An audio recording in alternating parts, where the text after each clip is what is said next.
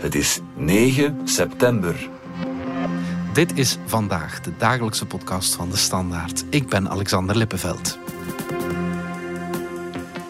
Queen Elizabeth II is overleden. De Britse koningin zat maar liefst 70 jaar op de troon. En daarmee is ze de langstzittende monarch ooit.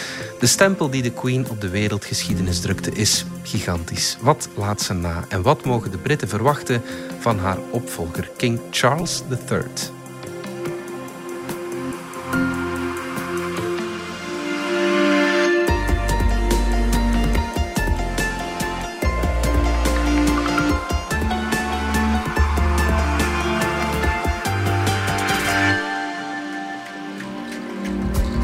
A few moments ago, Buckingham Palace announced the death of Her Majesty Queen Elizabeth II. The palace has just issued this statement. It says the Queen died peacefully at Balmoral this afternoon. Zo klonk het op de Britse BBC rond half acht onze tijd deze avond. Dominique Minten van onze buitenlandredactie. De Queen is donderdagavond overleden. Je hebt in je carrière al heel wat uh, in memoriams gemaakt, denk ik. Maar dit is misschien wel die voor de persoon met de indrukwekkendste staat van dienst. Hè? Klopt, ja, inderdaad. Ik herinner mij nog de, het in memoriam van Paus Johannes Paulus II. Uh, ja. Dat heeft heel lang klaargelegen, want die man heeft er heel lang over gedaan om te sterven. Die ja. man heeft ook wel een, had ook wel een heel grote stempel op de moderne geschiedenis gedrukt. De Queen is toch van een andere orde nog. Hè. Ze, haar legacy kan moeilijk onderschat worden, denk ik. Ja, ja inderdaad. Uh, wat weten we over haar laatste uren en dagen? Wel, uh, eigenlijk is haar, haar dood toch nog onverwacht gekomen. Ja. Uh, we wisten al een tijdje dat het niet zo goed ging met haar gezondheid. Eigenlijk sinds eind vorig jaar waren er steeds meer berichten dat ze last had van mobiliteitsproblemen, werd dat dan genoemd. Ja. Dat is eigenlijk het enige wat het, het paleis daarover vrijgaf. Ze moest ook steeds vaker uh, afspraken afzeggen, omdat ze dus moeilijk te been was. Maar dan de, als ze dan toch verscheen in het openbaar, dan zag ze er altijd nog redelijk goed uit, vond ik. Ja. Uh, zeker voor haar 96 uh, jaar. en eigenlijk was ze ook deze week nog actief. Ze heeft dinsdag nog Boris Johnson en Liz Truss ontvangen. Weliswaar in Balmoral, het kasteel waar ze verblijft in Schotland. Omdat ze dus niet naar Buckingham Palace kon komen. Maar toen ook leek er toch niet zoveel aan de hand te zijn met haar. Dit is hoe Liz Truss, de nieuwe premier, de dood van de Queen aankondigde in Downing Street in Londen. Queen Elizabeth II was the rock on which modern Britain was built. Our country has grown and flourished under her reign. Britain is the great country it is today because of her. Through thick and thin, Queen Elizabeth II provided us with the stability and the strength that we needed. She was the very spirit of Great Britain, and that spirit will endure.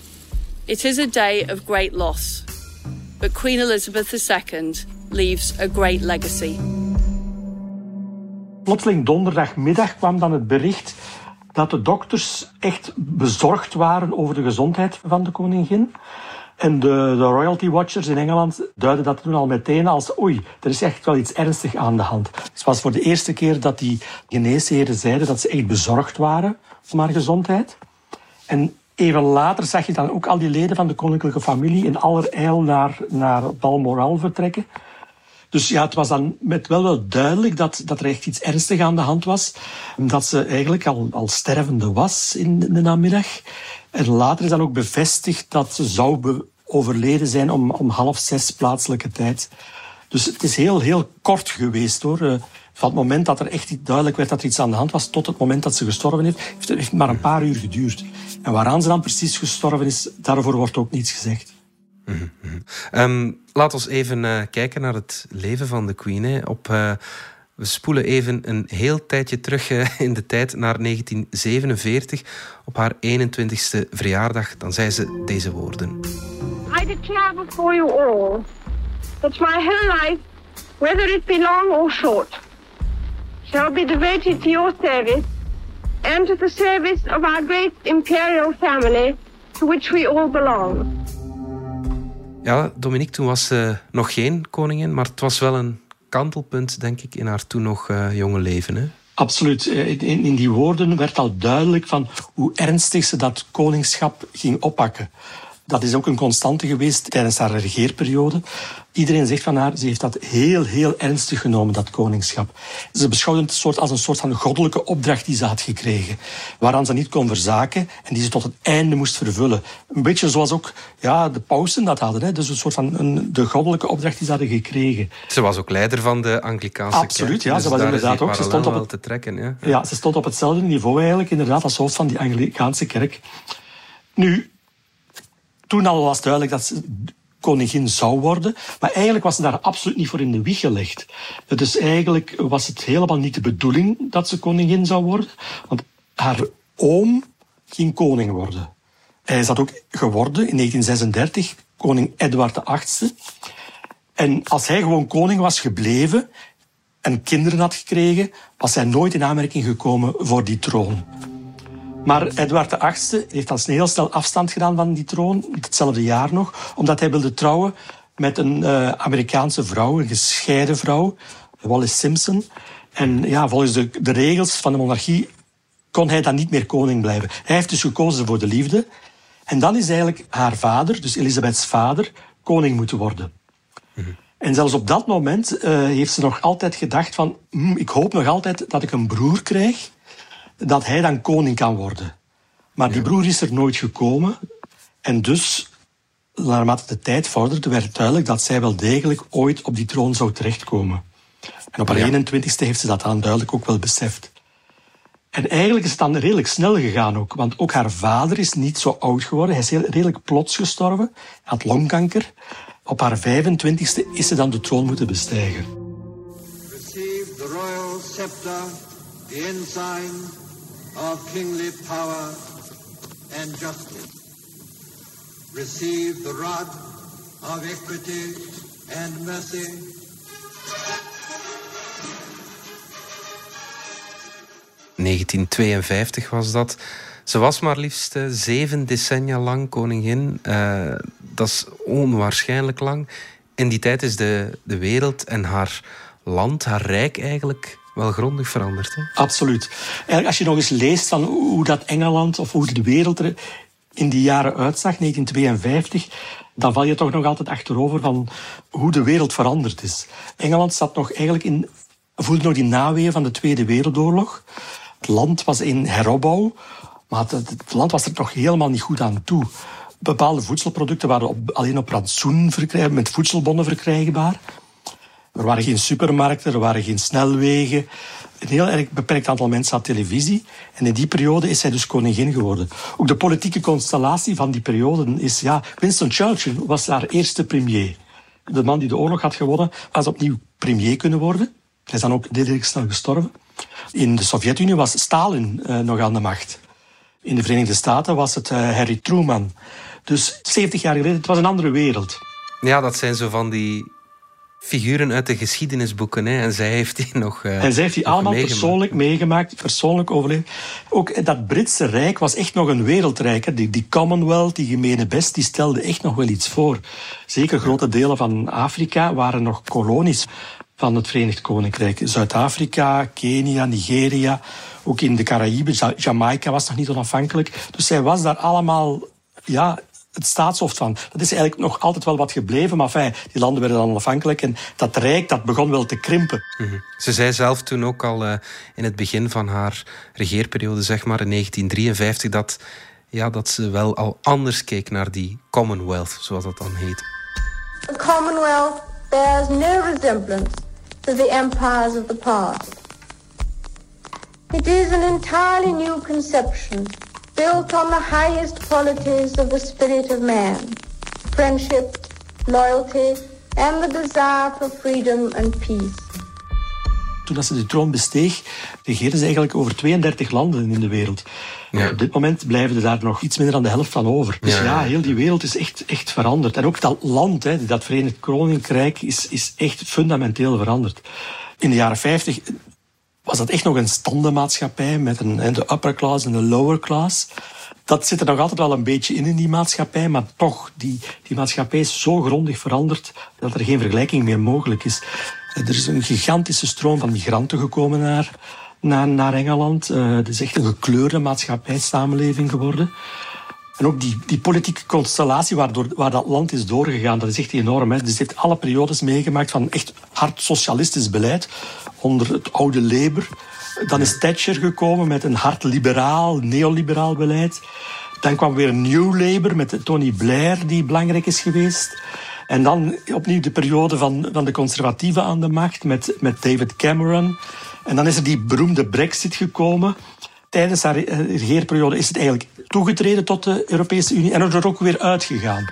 Ja. Wat ze daar eigenlijk van, zelf van dachten, dat weten wij eigenlijk niet. Dus eh, of ze dat nu een goede zaak vond, die toetreding en die uittreding, daar heeft ze eigenlijk nooit iets over gezegd. Dus eigenlijk is dat ook al, die, ook, hè? Ja. al die jaren is eigenlijk een enigma gebleven. Ja. Dus is eigenlijk ja, 70 jaar lang aan de macht geweest, zonder eigenlijk zich ooit over iets fundamenteels uit te spreken. Ook dat blijft zoiets iets fascinerend natuurlijk. En ook op uh, persoonlijk vlak heeft ze wel heel wat watertjes doorzwommen. Hè? Ja, ja. Niet alleen dat Verenigd Koninkrijk ging door woelige wateren, maar ook haar eigen familie.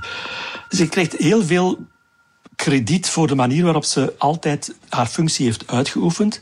Maar als je kijkt naar hoe dat ze haar familie heeft bestuurd, dan zijn daar toch wel wat vragen bij te stellen. Je kan moeilijk zeggen dat het een heel harmonieus gezin is geweest. Dat ze heeft vier kinderen. Drie ervan zijn gescheiden met Prins Andrew. In annus horribilis, hè, zoals ze ja, zegt. ze heeft dan ja. drie van die vier eh, scheidingen hadden nog plaats in, in hetzelfde jaar. Het annus horribilis, zoals ze dat noemde in 1992. 1992 is not a year on which I shall look back with undiluted pleasure. In the words of one of my more sympathetic correspondents, it has turned out to be an annus horribilis.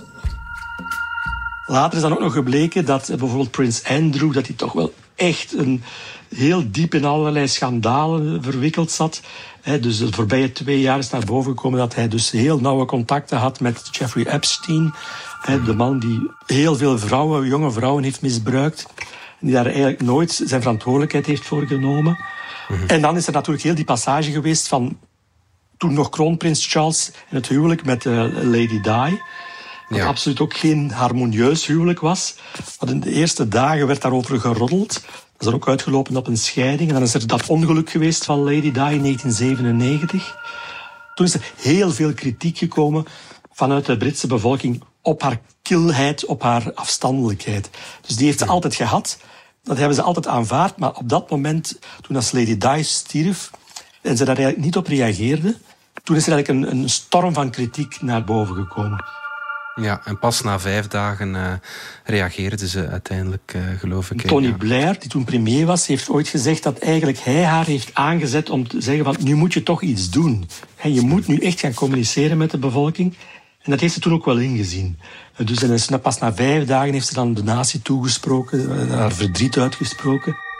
What I say to you now, as your queen and as a grandmother, I say from my heart. First, I want to pay tribute to Diana myself. She was an exceptional and gifted human being. In good times and bad, she never lost her capacity to smile and laugh, nor to inspire others with her warmth and kindness. En eigenlijk hebben de Britten haar nadien wel weer snel terug in de armen gesloten. Eigenlijk is het daarna alleen maar meer populairder geworden. En ook met het klimmen van de jaren, hoe fragieler ze werd, hoe brozer ze werd, hoe meer de Britten van haar gingen houden. Ik was uh, in juni van dit jaar nog in Londen tijdens de viering voor haar 70ste verjaardag. Uh, in heel land waren festiviteiten. Londen zag zwart van het volk. En er werd alleen maar positief gesproken over, over de Queen. Mm -hmm. Haar laatste ja, krak was misschien wel de dood van haar man, Prins Philip. Christmas can be hard for those who have lost loved ones. This year especially, I understand why. Dat hakte er wel in. Dat heeft er echt wel in gehakt, ja. Dus vorig jaar is hij overleden, eh, iets meer dan een jaar geleden ondertussen. Dat was ook in volle coronatijd. Dus hij heeft heel dat verdriet en die afscheid alleen moeten doen. Er zijn die iconische beelden dat ze helemaal alleen in de kerk zat tijdens de herdenkingsviering. Dat is hartverscheurend. Hartverscheurend, hè. Ja. Het kleine oude vrouwtje dat daar helemaal alleen zat.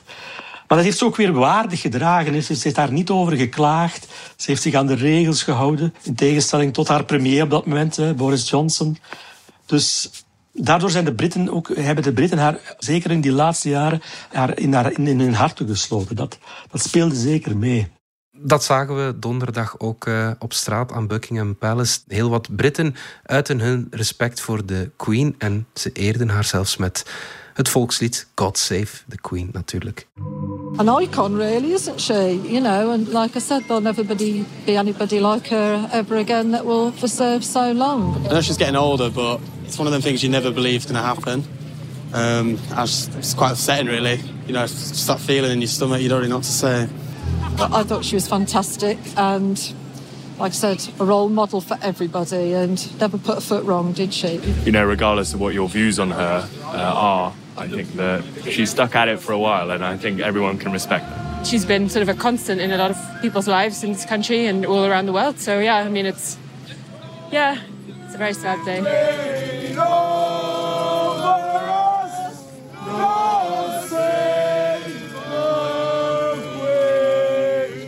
Als je 70 jaar op de troon zit, eh, Dominique, dan heb je natuurlijk wel een bepaalde impact gehad. Hoe dan ook. Wat is haar, haar grootste impact, zeg maar, op, op haar land en op de wereld misschien zelfs? Wel, grote verwezenlijkingen heeft ze natuurlijk niet gedaan. Hè. Dat, is, mm. dat blijft iets vreemd, dat koning, die monarchie. Wat doen die nu eigenlijk? Dus het is een beetje symbolisch. Uh, maar wat ik wel kan zeggen is dat ze haar land, dat koninkrijk, toch bij elkaar heeft gehouden op een of andere manier de republikeinse beweging heeft daar nooit voet aan de grond gekregen. Die bestaat er wel, die is er wel, maar die is heel erg beperkt. Dus eigenlijk, Britten hebben toch een soort van respect voor die monarchie. Ook de Schotten hebben respect, zeker dan voor die figuur van uh, Elisabeth. Dus op dat vlak is zij een soort van ja, troosteres van de natie geweest altijd. Mhm. De vraag is of haar opvolger diezelfde rol kan vervullen. En daar twijfel ik een beetje aan. Ja, haar opvolger, uh, dat is natuurlijk Charles, want we mogen niet meer prins Charles zeggen. Charles wordt nu koning. En premier Liz Truss die kondigde dat donderdagavond ook aan. Today the crown passes, as it has done for more than a thousand years, to our new monarch, our new head of state, His Majesty King Charles III. And with the passing of the second Elizabethan age, we usher in a new era in the magnificent history of our great country, exactly as Her Majesty would have wished, by saying the words, God save the King. Ja, Dominique, eh, Prins Charles heeft nu eigenlijk ook een record, dat van uh, langst zittende troonopvolger. Maar nu mag hij de troon bestijgen als King Charles III op zijn 73ste gaat even wennen zijn. Denk je dat hij daar nu uh, gelukkig mee is? ik denk het wel. Hij heeft lang genoeg gewacht. Hè? Dus ik denk wel dat hij dat wil worden. Of de Britten daar allemaal even gelukkig mee zijn, is iets anders. Eh, ook tijdens die, die viering van die 70ste verjaardag, als je dan met de gewone Brit spreekt in de straat, dat is het eerste wat ze zeggen ook van, ja, Charles, we weten het niet of, of we die eigenlijk wel als koning zien. Iedereen zegt dan, laat hij maar snel vertrekken en laat zijn zoon, prins William en Kate Middleton, zijn vrouw, laat die maar koning en koningin worden. Daar, is meer, daar hebben ze precies meer vertrouwen in. Die zijn geliefder. Dat blijkt ook uit opiniepeilingen. Dus Charles is niet echt een geliefde figuur in Engeland. Kleven ook wat schandalen aan hem.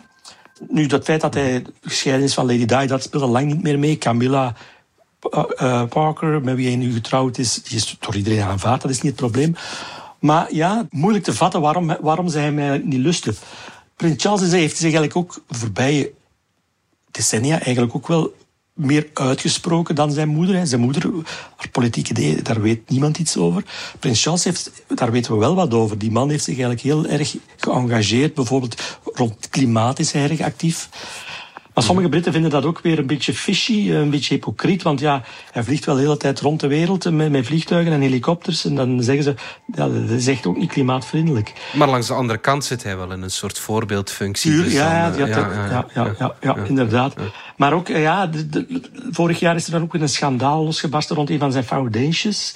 Een Saoedisch uh, rijke man een, van hun de gulden schenkers van die foundation, die heeft dan geld geschonken, maar in ruil zou hij dan het, een Brits paspoort hebben gekregen. Dus dat is allemaal een beetje fishy. Er wordt al gezegd van ja, als, als Charles een, een, politicus was geweest, had hij hiervoor moeten aftreden. Nu is dat, glijdt dat een beetje van hem af. Maar fijn, het zijn allemaal dingen die, ja, waar hij wel eens op aangesproken wordt. Dus die populariteit die zit niet zo snor. Nu, de vraag is van, als hij nu eenmaal koning is, of hij dat kan keren, dat is afwachten natuurlijk. Maar er zijn heel grote schoenen die de koningin achterlaat en waarin hij moet stappen. En ik vraag me af of hij die kan vullen. Ik denk, het is bijna onmogelijk natuurlijk. Hè. Ook zijn tijd is, is, is kort. Hij is, een, hij is, een, is een oude man al, hè, die nu opnieuw koning wordt. Ja, ja, ja, al 73 uh, natuurlijk. En denk je dat hij, net zoals de Queen, op een manier zijn land wel... Uh, kan samenhouden? Of, ja, dat, dat, dat spreken we binnenkort niet meer over een Verenigd Koninkrijk? Ja, dat is, ik, ja, bijvoorbeeld bij de Schotten zeggen ook al, ja, dat, Charles, daar moeten we niet zoveel van hebben.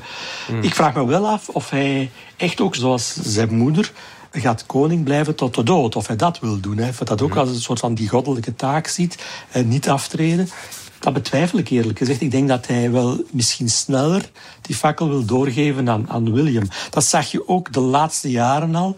Nu, de koningin heeft eigenlijk tot op het laatste moment eigenlijk de eindbeslissingen altijd genomen.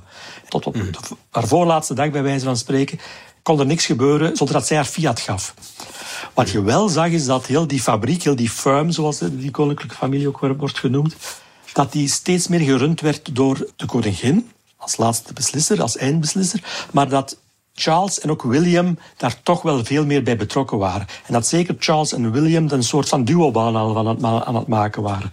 Dus eh, dat zou kunnen aangeven dat hij toch ook sneller dat stokje wil doorgeven. Maar ik zeg, het is, het is koffiedikeken op dit moment. Wordt misschien een van zijn uh, prioriteiten de verloren zoon terughalen? Harry dan? dat zou eens kunnen. Ik denk dat hij dat wel dolgraag zou willen. Nu, de, de signalen van de voorbije weken waren weer heel negatief daarover. Dus Harry was in Europa, maar eh, hij wou dan ook zijn vader weer niet zien. Maar als het van Charles zelf afhangt, denk ik dat hij niets liever wil. Dat zijn twee zonen terug met elkaar spreken. En dat die familie terug een beetje dichter bij elkaar komt. En of de dood van Elisabeth daar een rol in kan spelen, dat zullen we moeten afwachten. Uh, tot slot, uh, Dominique, blijft uh, de monarchie bestaan nu haar iconische vorstin overleden is? Dat denk ik wel. Zo snel gaat, gaan de Windsors niet uit Engeland verdwijnen. Nee, nee, daar twijfel ik eigenlijk niet aan. Dus die monarchie die blijft overeind. Mm Zelfs met Charles. Dominique Winten, dankjewel. Graag gedaan.